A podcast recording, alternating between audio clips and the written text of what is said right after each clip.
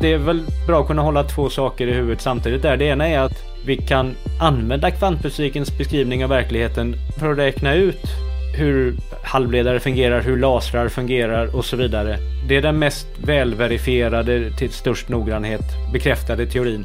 Men det är just när vi vill försöka förstå, men hur funkar det egentligen? Det är där det krockar och det är där det blir mystiskt då så att säga.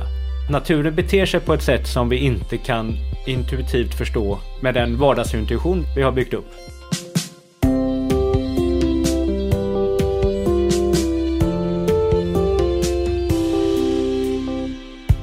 Kvantpionjären Niels Bohr lär ha sagt att om man tror att man har förstått kvantfysik, då har man inte förstått någonting. Och inom populärvetenskapen verkar det finnas en fascination för den här obegripligheten. Det gör att ordet kvant har blivit en symbol för något spännande och modernt men också mystiskt. Det här gör att det finns saker som kvanthealing, kvantmassage och böcker om hur vi med kvantfysikaliska fält kan ändra verkligheten med tanken. Och i superhjältefilmen så hamnar Ant-Man i kvantvärlden där vad som helst kan hända. Därför är det inte så konstigt om man blir lite misstänksam när man hör talas om en kvantdator. Men faktum är att de finns på riktigt och 2022 års Nobelpris i fysik gick till forskning som kan användas för att bygga dem. Du lyssnar på Idéer som förändrar världen, en podd från Nobelprismuseet som den här gången handlar om hur kvantfysik inte är mystisk utan användbar. Jag heter Gustav Källstrand. Och med mig för att berätta mer om kvantfysik så har jag Göran Johansson. Välkommen! Tack så mycket! Kan, kan man börja, vad betyder det här ordet kvant egentligen? Ja, det har sitt ursprung i att när Niels Bohr la fram sin atomteori så ingick det där att när elektronerna rör sig runt atomkärnan så har de kvantiserade energier. Det betyder att de kan inte befinna sig exakt var de vill utan det finns stabila banor som då har en välbestämd energi. Sen när de elektronerna byter banor så skickar de ut en foton eller absorberar en foton. Och det är ju också någonting som kom med, med kvantfysiken, att man förstod att elektromagnetiska fält är inte så kontinuerliga utan att de består av energikvanta som vi idag kallar fotoner. Då. Så om, om, om man har en atom och en elektron byter plats så avges det, ja men det är som ljus kan man säga då? Ja, det är det som är ljus. Det är, de, ja. det, är det vi ser. Göran Johansson är professor i tillämpad kvantfysik vid Chalmers och är en av ledarna för Wallenbergs Center for Quantum Technology. Ett initiativ för att göra Sverige ledande inom kvantteknik. Där leder han utvecklingen av algoritmer och modellering inom kvantdatorprojektet. Göran är också en av författarna till boken Kvantfysiken och livet som handlar om hur kvantfysik påverkar världen omkring oss. Det är ju också lite intressant om man tänker på hur vi ser. Det behövs ju bara en foton för att ändra konfigurationen på den här ritanol som sitter i näthinnan. Så det räcker med en foton för att få till en kemisk signal sen som vi kan registrera som att vi har sett något. Sen så har vi signalbehandling i näthinnan och upp till hjärnan sen som filtrerar bort allt för svaga signaler. Då.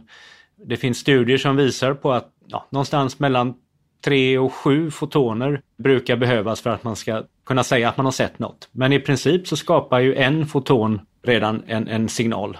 Och det är för att den fotonen då som kommer till, till ögat, då, den fångas då upp Ja. Och får en elektron att hoppa och åt andra hållet kan man säga.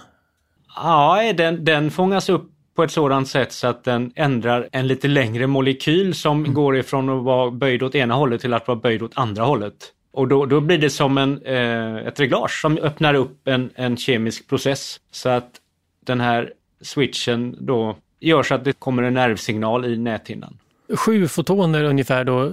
Det låter väldigt det, det, måste vara ganska svaga saker, svagt ljus. Ja, det är svagt ljus. Ja. ja. Hur många fotoner är det i ljus som man upplever som lite starkare? Alltså vad är det för storleksordning? Ja, det, det är ju uppemot eh, tusentals fotoner. Mm. Eh, ja. Men eh, det räcker som sagt med enstaka fotoner. Okej, så att kvant... Um, ja, men för att det hänger ihop med syn, för man tänker ofta på kvantfysik då kanske som någonting som är väldigt nästan artificiellt. Det känns som att någonting vi upptäckte sent och så, men som du säger, det, det, det är liksom de naturliga processer har också med det här att göra, uppenbarligen. Ja, det är det ju. Eh, det har det ju verkligen med det att göra. Det som när man gör fyrverkerier till exempel. Ja, Vill man ha fint rött fyrverkeri så blandar man i strontium. okej. För att när då fyrverkeriet exploderar och strontiumet exciteras, blir varmt, då hoppar det upp elektroner i strontium. När de ramlar ner igen så skickar de ut energikvanta som har röd färg. Så storleken på energin eh, som avges eh, ger helt enkelt färgen då om det är i det synliga spektrat. Men, men det är ju någonting som man uppenbarligen har känt till. Eh, utan att veta om att det är kvanteffekter så kan man ju bygga fyrverkerier. Absolut. Så att vi använder oss av kvantfysik även när vi inte vet att det är det vi gör helt enkelt. Ja, spektroskopin var ju en väldigt väl utvecklad vetenskap under 1800-talet. Så det är när man tittar på ljus och ser vad det är för ämnen det innehåller. Exakt, så det var i den här när man arbetade fram förståelsen för det periodiska systemet så var ju spektroskopin ett viktigt redskap för att kunna särskilja att det var olika element man pratar om. Om du hettar upp något ämne och så tittar du på ljuset som kommer ut med prisma som bryter ljuset då, så får du ett antal linjer. Och de här linjerna har att göra med vilka elektronövergångar som finns i ämnet och det ger ett fingeravtryck. Och det utvecklades ju under 1800-talet. Eh, så att det här var väl känt. Så jag är med i en science fiction bokklubb. Eh, och då fick jag tipset om att läsa Color Out of Space. Så jag läste den under, under pandemin faktiskt. Där det då trillar ner en, en meteorit som har en färg som är väldigt mystisk som man inte känner igen. Man kan inte beskriva, det finns inget ord för den färgen. Och då kommer det vetenskapsmän och det här är ju då början av 1900-talet och då kommer det vetenskapsmän från det lokala universitetet och de gör då spektroskopi. Och de känner inte igen de här spektrallinjerna alls. Och det, så att det, är, det, det är en helt okänd färg då. Eh, sen är det, tar den lite vändning med andra övernaturliga eh, saker och så. Men jag tyckte det var så intressant att det mest vetenskapliga, om man skulle tala om att man var, eh, gör något riktigt vetenskapligt, det var det spektroskopi. Så om du har en, en gas med bara ett ämne i så ger det tydliga spektrallinjer, tydliga färger. Medan om du har en, någonting som solen då som är, är en så kallad svartkroppsstrålning som är väldigt varm, då rör sig gaserna. Då får man ett kontinuerligt spektrum. Just det, men det, bygg, men det byggs upp av små enskilda delar. Absolut, och sen så när du då till exempel sol, solljuset går igenom atmosfären så absorberas ju eh, vissa specifika linjer av ämnen i atmosfären som koldioxid och, annat. Så då kan man ju se absorptionslinjer också då. Och, det här används ju även om man ska studera planeter och, och stjärnor och så vidare på långt håll. Så kan man ju också använda det här att bestämma vad det finns för ämnen i gasmoln som ligger på astronomiska avstånd så att säga. Fram till början på 1900-talet så var fysiker faktiskt inte övertygade om att atomer fanns på riktigt. Många tänkte att atomteorin beskrev en slags som om-situation. Alltså att världen gick att beskriva som om det fanns atomer. Men om de egentligen fanns, det gick inte att veta. Men precis under åren kring sekelskiftet skedde en rad upptäckter och genombrott som övertygade forskarna om att atomerna inte bara fanns, utan att man också kunde börja utforska hur de var uppbyggda. Niels Bohr beskrev 1912 atomen som ett slags solsystem där elektroner kretsar kring en atomkärna i olika banor. Den här bilden lever fortfarande kvar, men den har ett problem. Den bygger nämligen på att elektronerna kan beskrivas på samma sätt som till exempel planeter som rör sig kring en sol. Men på 20-talet så tog Werner Heisenberg och Erwin Schrödinger oberoende av varandra fram matematiska modeller för att beskriva hur en elektron rör sig. Deras ekvationer pekade på att Bohrs bild inte stämde därför att istället för att beskriva positioner så beskrev de sannolikheter.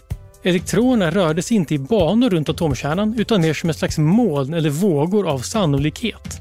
Heisenberg och Bohr omfamnade den nya fysiken och tyckte att det här med osäkerhet och sannolikhet det var en korrekt beskrivning av världen. Men Schrödinger och Albert Einstein var övertygade om att man hade missat någonting som var avgörande och att kvantfysiken i grunden inte var en tillräcklig beskrivning. Så det, det uppstod ju en diskussion tidigt om hur man skulle tolka eh, kvantfysiken och efter Bohr där så, så dök det ju upp två olika typer av formalismer kring kvantfysik och hur man skulle se på det. Det ena var ju Heisenberg som beskrev kvantfysiken i termer av matrismekanik. Vilka olika typer av koordinat elektronen kan vara i eller vilken rörelsemängd den har. Men det är ju ett abstrakt matematiskt sätt att beskriva kvantfysik. Medan då Erwin Schrödinger utvecklade, det var ju de Broglie som först sa att det här med elektronens rörelsemängd, ja men då kanske man kan se det, att elektronen har också vågegenskaper. Så ju större rörelsemängd, ju kortare våglängd har då vågorna som beskriver elektronen. Så att det fanns en koppling mellan våglängden på de här materievågorna och rörelsemängden. Och då utvecklade Schrödinger då en, en eh, ekvation som, eh, som beskriver hur elektronvågorna eh, rör sig i tiden. Och då kunde man förstå att de här stabila banorna hade helt enkelt att göra med stående vågor för elektroner runt atomkärnan. Ja, men det här med vågorna har väl med sannolikheter att göra. Att man, att man kan inte mäta exakt var den där elektronen befinner sig någonstans, men om man lägger ihop den hela så, så är det antingen en våg, en sannolikhet, eller så är det motsvarigheten en partikel. Det, då plötsligt låter det som att man har förstått någonting och då antar jag att då har jag inte förstått någonting. Och för, för fram till egentligen de här som vi är inne på med Schrödinger och så, så är det väldigt abstrakt. Men när började man liksom kunna manipulera med hjälp, alltså saker, göra experiment och förstå saker, hur, hur saker funkar med hjälp av, med hjälp av kvantfysik? Ja, det är ju väldigt stor del av experimenten som, som genomfördes under 1900-talet, både atomfysik och mm. fasta tillståndet fysik som bygger på att man förstår kvantfysik. Till exempel om man ska beskriva hur halvledare fungerar och man ska göra en transistor så, så måste man ju förstå att elektronerna har vågegenskaper i materialet.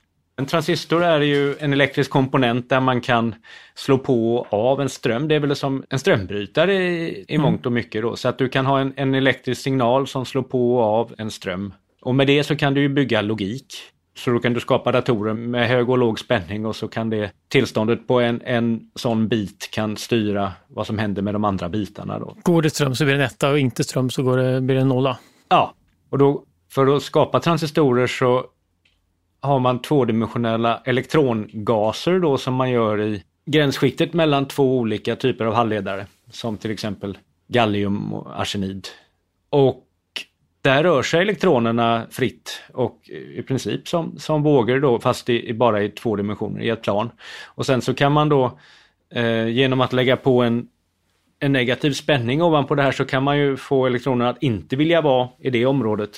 Och sen så kan man slå på av den här negativa spänningen så kan man alltså skapa en transistor. Ja, så att man för att förstå hur transistorerna fungerar så, så behöver man ju då förstå kvantfysik. Eh, sen är det, jag tror att det var Erwin Schrödinger som sa att kvantfysiken blir svår att förstå om man pratar om enstaka elektroner. Vi har ingen möjlighet att studera enstaka elektroner eller enstaka fotoner lika lite som vi har möjlighet att studera ichtyosaurer. Ehm, det uttalandet har ju kommit på, på skam kan man väl säga. Så att där har ju experimentalisterna verkligen gjort stora framsteg. John Clauser har alltid gillat att gå emot strömmen. Så när han började göra experiment för att visa att kvantfysiken hade fel så var hans kollegor inte förvånade. De trodde inte att han skulle lyckas, men de trodde att om han gjorde det, då skulle det här vara en typisk sån sak som får Nobelpris. Istället blev det tvärtom. Clauser fick visserligen Nobelpriset, men inte för att kvantfysiken var fel, utan för att hans experiment visade att kvantfysiken var rätt. Hans resultat, som sen kompletterades och fördjupades av medpristagaren Alain Aspect, visade att en av kvantfysikens underligaste konsekvenser stämde, den så kallade kvantsammanflätningen, som betyder att två partiklar har egenskaper som är kopplade till varandra trots att de är skilda åt. Den här sammanflätningen den går att använda för att lagra, överföra och bearbeta information det vill säga just det som behövs i en dator. Och Det är just det som den tredje pristagaren 2022, Anton Seilinger, har gjort i sin forskning. Där han bland annat lyckats teleportera information mellan två kvantsystem. Om man nu ska se elektronen som en våg, så att den breder ut sig i princip kring hela atomkärnan, då vet man inte vad den är. Men samtidigt så vet vi att när, när man gör experiment där man då sprider eh, atomer mot varandra och så vidare så kan man detektera elektroner på fluorescerande skärmar eller fotografiska plåtar som en punkt. Så att elektronerna är, är både partiklar där de finns i en punkt och när de är fångade runt atomkärnan så är de som en, en, ett sannolikhetsmoln eller de, de är diffusa. Och det som jag brukar ta fram som det bästa exemplet som, som fångar den här svårigheten med, med att de både är partiklar och vågor är ju det här dubbelspaltsexperimentet. Som jag vet Richard Feynman också brukade framhålla att ja, det är i princip som en gammal tjock-tv där man då kokar av elektroner eh, längst bak i bildröret och så accelererar man upp dem med en elektriskt fält och så styr man dem så att de träffar skärmen då i de olika pixlarna eh, som då var röda, gröna och blå fluorescerande färg i. Och på det sättet så kunde man snabbt lysa upp de olika pixlarna och skapa en, en rörlig tv-bild. Men poängen här då är att varje elektron träffar i en punkt och skapar, lyser upp en pixel. Men om man nu gör ett mycket enklare experiment där man bara kokar av elektroner och låter dem accelerera ner genom ett rör. Och så stoppar man in ett negativt laddad liten metalltråd. Så att de måste välja mellan att gå vänster eller höger. Och så sätter man en fluorescerande skärm bakom. Så man kan helt enkelt spela in och se så man får en liten grön prick varje gång de träffar skärmen. Då, då har man ett dubbelspaltsexperiment där då elektronerna uppenbarligen måste välja mellan att gå till vänster eller höger om den här metalltråden. Det här experimentet fanns ju som tankeexperiment tidigt, det här dubbelspaltsexperimentet. Men det genomfördes väldigt pedagogiskt av eh, Akira Tonomura på Hitachi. Hitachi gör ju elektronmikroskop och eh, han byggde om ett sånt här elektronmikroskop. I vanliga elektronmikroskop skickar man ut ett rätt så stort antal elektroner som då avbildar någonting intressant som, som man, mm. eh, de, de, får spridas mot. Men, och då, och, då, byggde han om det på, precis på det här sättet att han bara stoppade in en, en negativt laddad metalltråd och sen så sänkte han intensiteten i avkokningen av elektroner så att det bara var en elektron i röret åt gången. Så att elektronerna kom väl med någon sekunds intervall sådär. Och det finns en en jättebra video på Youtube som Hitachi har lagt ut på det här experimentet. Och då ser man att det kommer gröna prickar och det, det är inget riktigt klart mönster men sen om man, när man har samlat ungefär en halvtimme med prickar, kanske en hundratusen prickar eller någonting, så ser man väldigt tydligt att det är ett interferensmönster. Tydliga linjer där det är fler elektroner och där det är färre elektroner. Just det, om man skulle tänka sig att om de hade varit partiklar så, om det är dubbelspalt, det finns två hål, då borde de lägga sig i varsin liten hög nedanför varje ja, hål. Ja, då borde men... de lägga sig lite till vänster och lite till höger. Ja. Eh, men i det här fallet då så, så får man ett sånt interferensmönster med, med tydliga linjer som man får om man skickar till exempel eh, vattenvågor eller ljusvågor. Och då förklarar man ju det här med när man skickar vattenvågor så är det ju att det, det finns en vågrörelse som går genom ena hålet en vågrörelse går genom andra hålet. Och sen på andra sidan skärmen så växelverkar de här vågrörelserna med varandra och då får man ställen där de växelverkar konstruktivt, man får stora vågor och andra ställen där de växelverkar destruktivt och man får stilla vatten. Då. Det är som om man skulle skicka, inte skicka en hel flod med vatten, utan man skickar en vattendroppe i taget och ändå få samma mönster som om man bara hällde. Ja. Och jag antar att det är det som är, det är en av de sakerna som gör att det är lite svårt att, att ta in. Men, men att enskilt så är, ser de ut att vara partiklar men tillsammans så bildar de, har de vågegenskaper. Och jag antar att det är tvärtom också. Ja, och det, det som är, man behöver upprepa experimentet många gånger för att se det här interferensmönstret. Men i och med att man skickar dem en och en så kan man ju inte säga att de har interfererat med varandra. För de var ju aldrig i experimentet samtidigt, några av de här då. Och det är just där som det hela krockar med vår vardagsintuition. Just det, för vi kan inte förutsäga vad den enskilda elektronen ska göra. Nej, för vi vill ju tänka på elektronen som en partikel. Eh, men ett sätt att förklara experimentet är ju att partikeln gick genom båda hålen och interfererade med sig själv. Men samtidigt om man säger det så är det, ja, så kan man ju också tycka att det, låter, det låter inte klokt.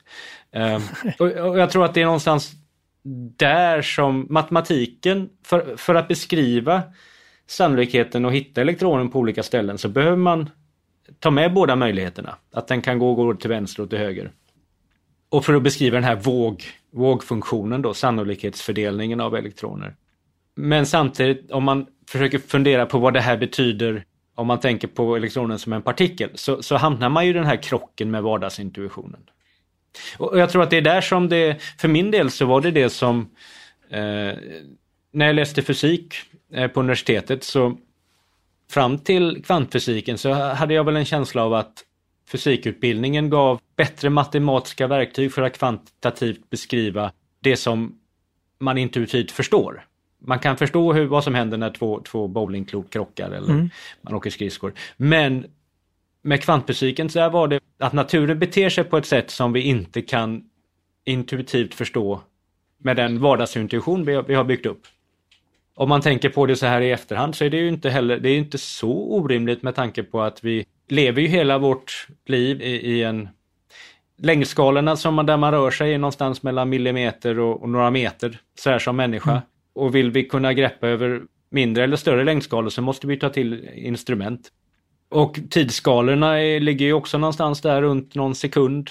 Och det är på de längd och tidsskalorna som vi har byggt vår intuition. Mm. Sen när vi bygger bättre och bättre instrument som då kan komma ner på längdskalor och, och förstå hur naturen fungerar på atomskalor så, så är det inte så konstigt egentligen att vi inte kan använda vår intuition från de, vår vardagsintuition. Men samtidigt är det väldigt eh, frustrerande. Kvantfysiken säger att partiklars egenskaper beskrivs som sannolikheter och att det är först när man observerar dem som man kan säga att de faktiskt har en viss egenskap. Einstein tyckte att det här var orimligt så han ställde upp ett tankeexperiment för att visa att den här synen ledde till en paradox. Och hans experiment handlade om så kallad kvantsammanflätning.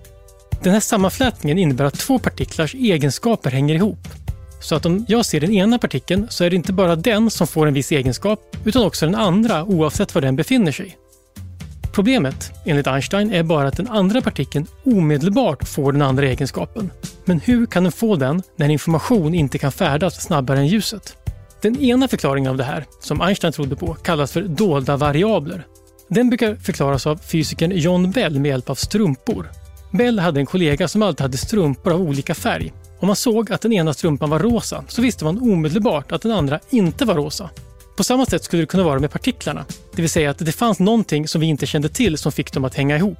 Det här verkade vara en rent filosofisk fråga men John Bell lyckades faktiskt skapa en matematisk modell för hur man skulle kunna se skillnad på om mätningarna berodde på sådana här dolda variabler eller om de faktiskt var obestämda på det sätt som kvantteorin sa. En av dem som läste John Bells artikel var just John Clauser och han lyckades alltså visa att det finns en skillnad mellan strumpor och partiklar. Så att det är den här delen av kvantfysiken som då beskrivs som mystisk. Mm. Så att det är väl bra att kunna hålla två, två saker i huvudet samtidigt där. Det ena är att vi kan använda kvantfysikens beskrivning av verkligheten. Det, det är den mest välverifierade, till störst noggrannhet bekräftade teorin. Så vi kan, vi kan använda den för att räkna ut hur halvledare fungerar, hur lasrar fungerar och så vidare. Men det är just när vi vill försöka, men hur funkar det egentligen? Och använda vår vardagsintuition, det är där det krockar och det är där det blir mystiskt då så att säga. Mm. Ja, precis. När man tittar på, på enskilda saker så blir det svårt, men när man, om man då faktiskt lägger upp många partiklar, då kan man, som du ser, de här, de här ekvationerna förespår väldigt väl. Och du nämnde just halvledare och laser, och så, men en, en sån, den här tillämpning som ändå nämns mycket nu, och inte minst i samband med då Nobelpriset till kvantintrastning, det är de här kvantdatorer. Hur, hur kan liksom för det måste vara liksom en elektronisk tillämpning av kvantfysik. Hur använder den sig av kvantfysik? Ja, en kvantdator använder sig av kvantfysik på det sättet att man istället för att ha Alltså när vi pratar om vanliga klassiska datorer pratar vi om att en hög eller låg spänning var 0 eller 1. Just det. Medan en kvantdator består av kvantbitar som kan vara i en superposition som man säger av 0 och 1. Och det, det är på precis samma sätt som elektronen. Ett sätt att beskriva hur elektronen går genom en dubbelspalt är att säga att den går både till vänster och till höger och sen eh, har man en interferensfenomen efteråt. Så att om man vill beskriva hur elektronen rör sig så måste man ta hänsyn till båda möjligheterna. Och på precis samma sätt kan man skapa då kvantbitar där till exempel här på Chalmers då så har vi kvantbitar som består av elektriska kretsar som är kylda ner till millikelvin. Eh, men det som är 0 och 1 i dem är om man har 0 eller 1 mikrovågsfoton i de här kretsarna. Och en mikrovågsfoton det är samma sak som en optisk foton som man kan se förutom att den är i mikrovågsområdet. Mm. Så det är samma frekvensområde där vi har eh, trådlöst internet och våra mobiltelefoner och så runt 5 GHz. Men så att bitarna är då en superposition av noll och en mikrovågsfoton. Och då är det ju, har man då en sån kvantbit så, så är det ju två möjligheter som man får hålla i, i huvudet samtidigt om man vill räkna ut vad den här gör. Eh, har du två kvantbitar då blir det ju två gånger två möjligheter du kan representera samtidigt. Och sen så för varje kvantbit du adderar så ökar ju antalet möjligheter du måste ha med för att beskriva vad som händer med två.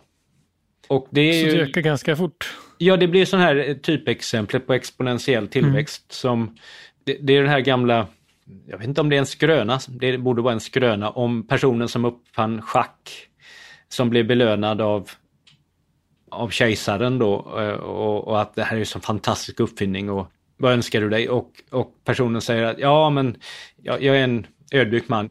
Lite ris. Ett riskorn på första schackrutan, två på nästa och fyra på nästa och så vidare. Så det är det jag begär. Och, och kejsaren som då kanske inte var Matematiker. Matematiker då, eh, så, speciellt inte exponentiell tillväxt, sa okej. Okay. Eh, och då visade det sig att på sista rutan där då 2 upp till 64 så är det mer ris än, än vad som produceras i hela världen idag. Så att någonstans med exponentiell tillväxt när man dubblar och dubblar så går det från att vara rätt litet till att bli ja, helt enkelt löjligt mm. mycket. Och för kvantdatorer så är det där någonstans mellan 40-50 kvantbitar, då behöver man ta hänsyn till så många olika möjligheter samtidigt. Så 2 upp till 40, 2 upp till 50. Så att då kan man inte simulera längre ens med dagens superdatorer vad en kvantdator ska räkna ut. Då. Eftersom helt enkelt för att beskriva tillståndet behöver man ett större minne än vad, vad de har då. Men, men är det det som är det speciella med kvantdatorer helt enkelt? Att de bara då skulle då, om, om det går att bygga dem så stora, helt enkelt ha ett mycket, mycket större minne eller är det mycket större kapacit arbetskapacitet också? Då? Alltså process Nej, sen, ut, sen utför man ju beräkningar på det här minnet då så att det, det motsvarar om du skriver ett kvantdatorprogram för att räkna ut till exempel om vi tänker oss handelsresandeproblemet som beskrivs då av ett antal städer och avståndet mellan städerna på en karta. Mm. Och så är, är problemet att vad är kortaste vägen om jag vill besöka varje stad en gång? Och då kan man ju relativt lätt skapa ett numreringssystem så man numrerar alla möjliga vägar. Först går jag till stad 1 och sen till stad 2 och så vidare. Så att givet ett vägnummer så kan man räkna ut hur lång den rutten är då. Och det går rätt så lätt att göra. Det som gör det hela svårt att ta reda på vilken är den kortaste vägen är helt enkelt att det blir kombinatoriellt många olika vägar antalet möjliga vägar går ju som en, en fakultet då. Eh, vilket är ytterligare en sån här typ av tillväxt som, som ökar väldigt fort. Men då kan man skriva ett kvantdatorprogram som givet en viss nummer på väg räknar ut hur lång är den vägen då. Och då kan du sätta indataregistret i en superposition av alla möjliga tal mellan noll och, och antalet vägar som finns då. Och så kör du programmet en gång och då får du ut dataregistret i en superposition av alla möjliga längder. Och där finns ju också den, den kortaste vägen med.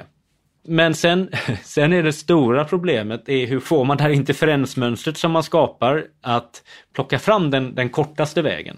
För om du inte gör något kreativt och smart så, så kommer du bara att mäta en av alla vägar slumpmässigt Uh, och då, då, ja, då har du ju inte tjänat någonting. Inte för, för en vanlig dator, de, de, de, man ser att datorer är smarta men de, de är ju mest att de är duktiga på att arbeta. Så en, en vanlig dator ska räkna ut en efter en alla tänkbara vägar och sen så får man liksom hitta rätt. Ja. Men kvantdatorn skulle på något sätt räkna ut alla möjligheter på en gång. Men svårigheten då blir att hur vi, hur vi vet vilken möjlighet vi vill ha. Exakt. Och det, det, här var väl, det, det, är också lite intressant, det här var ju välkänt så att säga. Redan, ja, Richard Feynman sa ju att i samband med problemet hur ska vi modellera eh, halvledare och material och så vidare. Det är svårt att simulera kvantsystem med klassiska datorer. Så då pekade Feynman på att jo men då kanske man ska använda sig av kvantmekaniska system. Så det här var en av de första gångerna som, som folk pratade om kvantdatorer. Och sen började folk tänka lite på vad kan man då göra med en kvantdator? Och, och, ungefär det med att man kan räkna ut väldigt många saker samtidigt men att, att få interferensmönstret att vara sådant att det som man är intresserad av förstärks mm. ordentligt. Det, det, det, var svårt.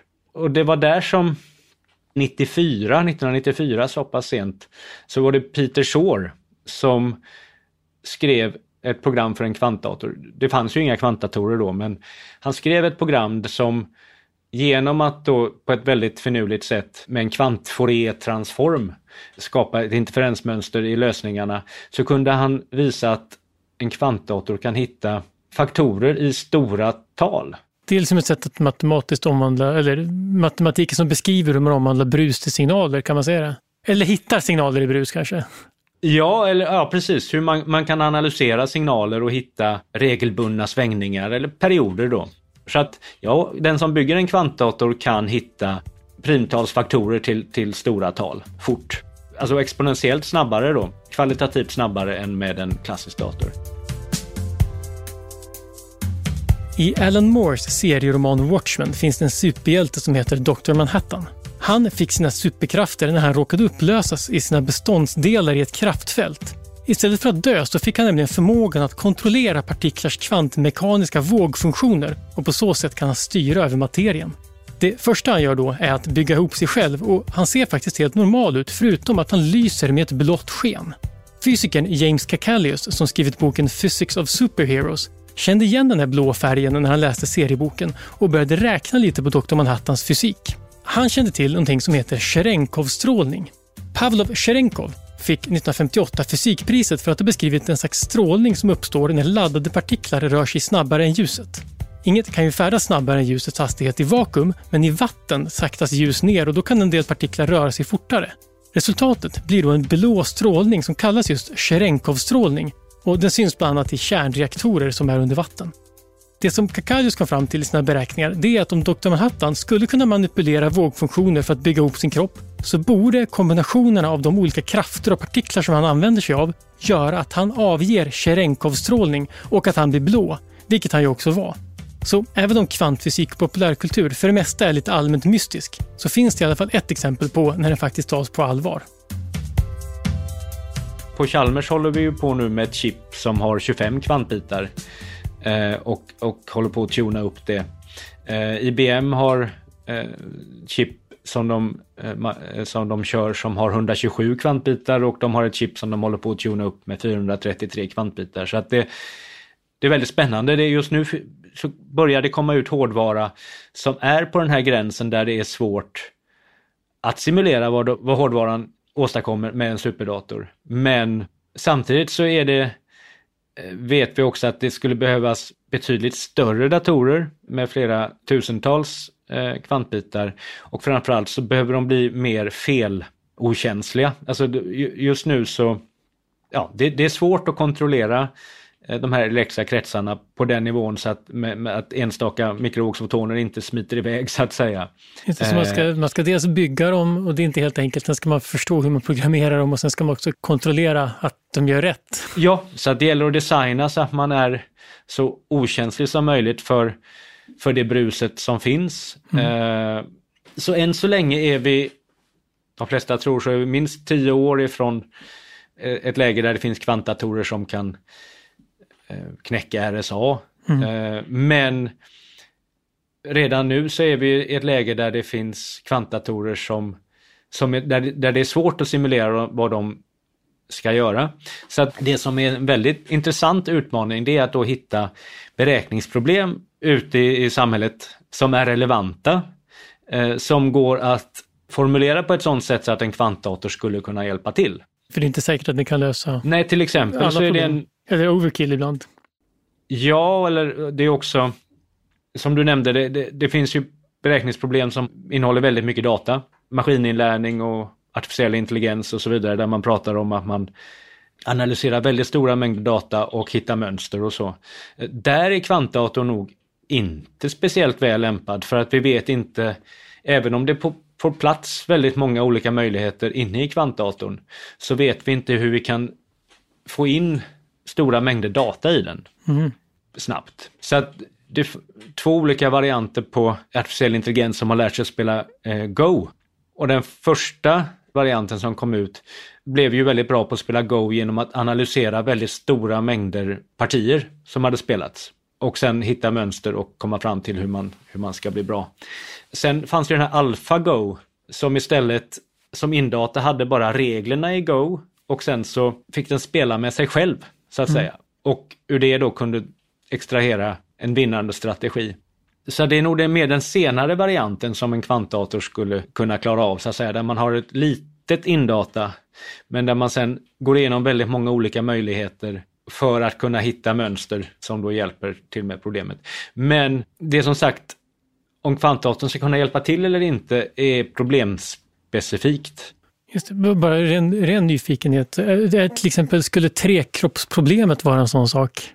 Oh, det har jag inte funderat på. Ja, att man har, det är ganska lite indata. Det är bara gravitationen och tre planeter. Och sen, men sen kan ju vad som helst hända. Ja. Det är egentligen gäller frågan om de kvantdatorerna har lättare att hantera kaos och komplexitet. Det kanske man inte vet. Nej, det, det som många tittar på är ju om man kan använda kvantdatorer för att göra bättre kvantkemi.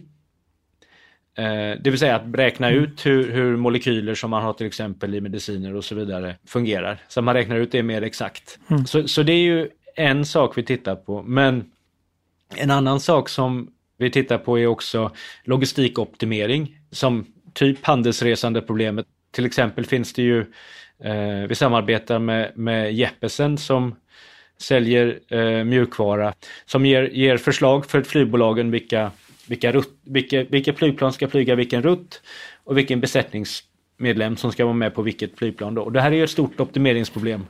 Då har vi tittat på små leksaksexempel som får plats på Ja, det minsta vi tittade på var som får plats på två kvantbitar då. Och sen har vi simulerat upp till 25 kvantbitar.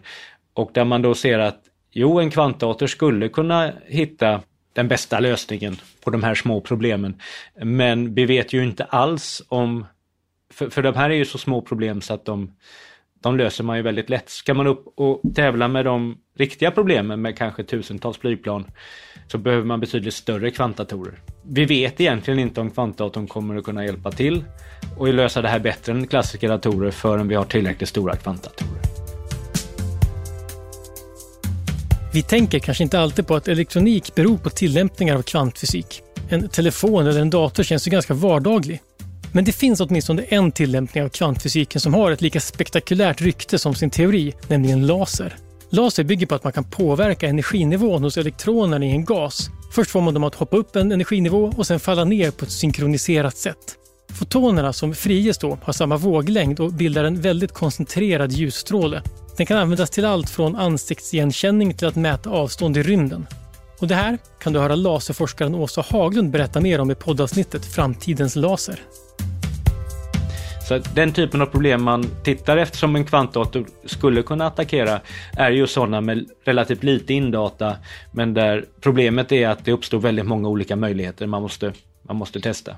Så, så det, det, det, finns ju en del som säger att nej, det kommer inte och kvantdatorn kommer inte kunna göra någon nytta innan vi har en sån här så kallad feltolerant, felkorrigerad stor kvantdator då, och vilket är väl åtminstone tio år framåt i tiden. Då.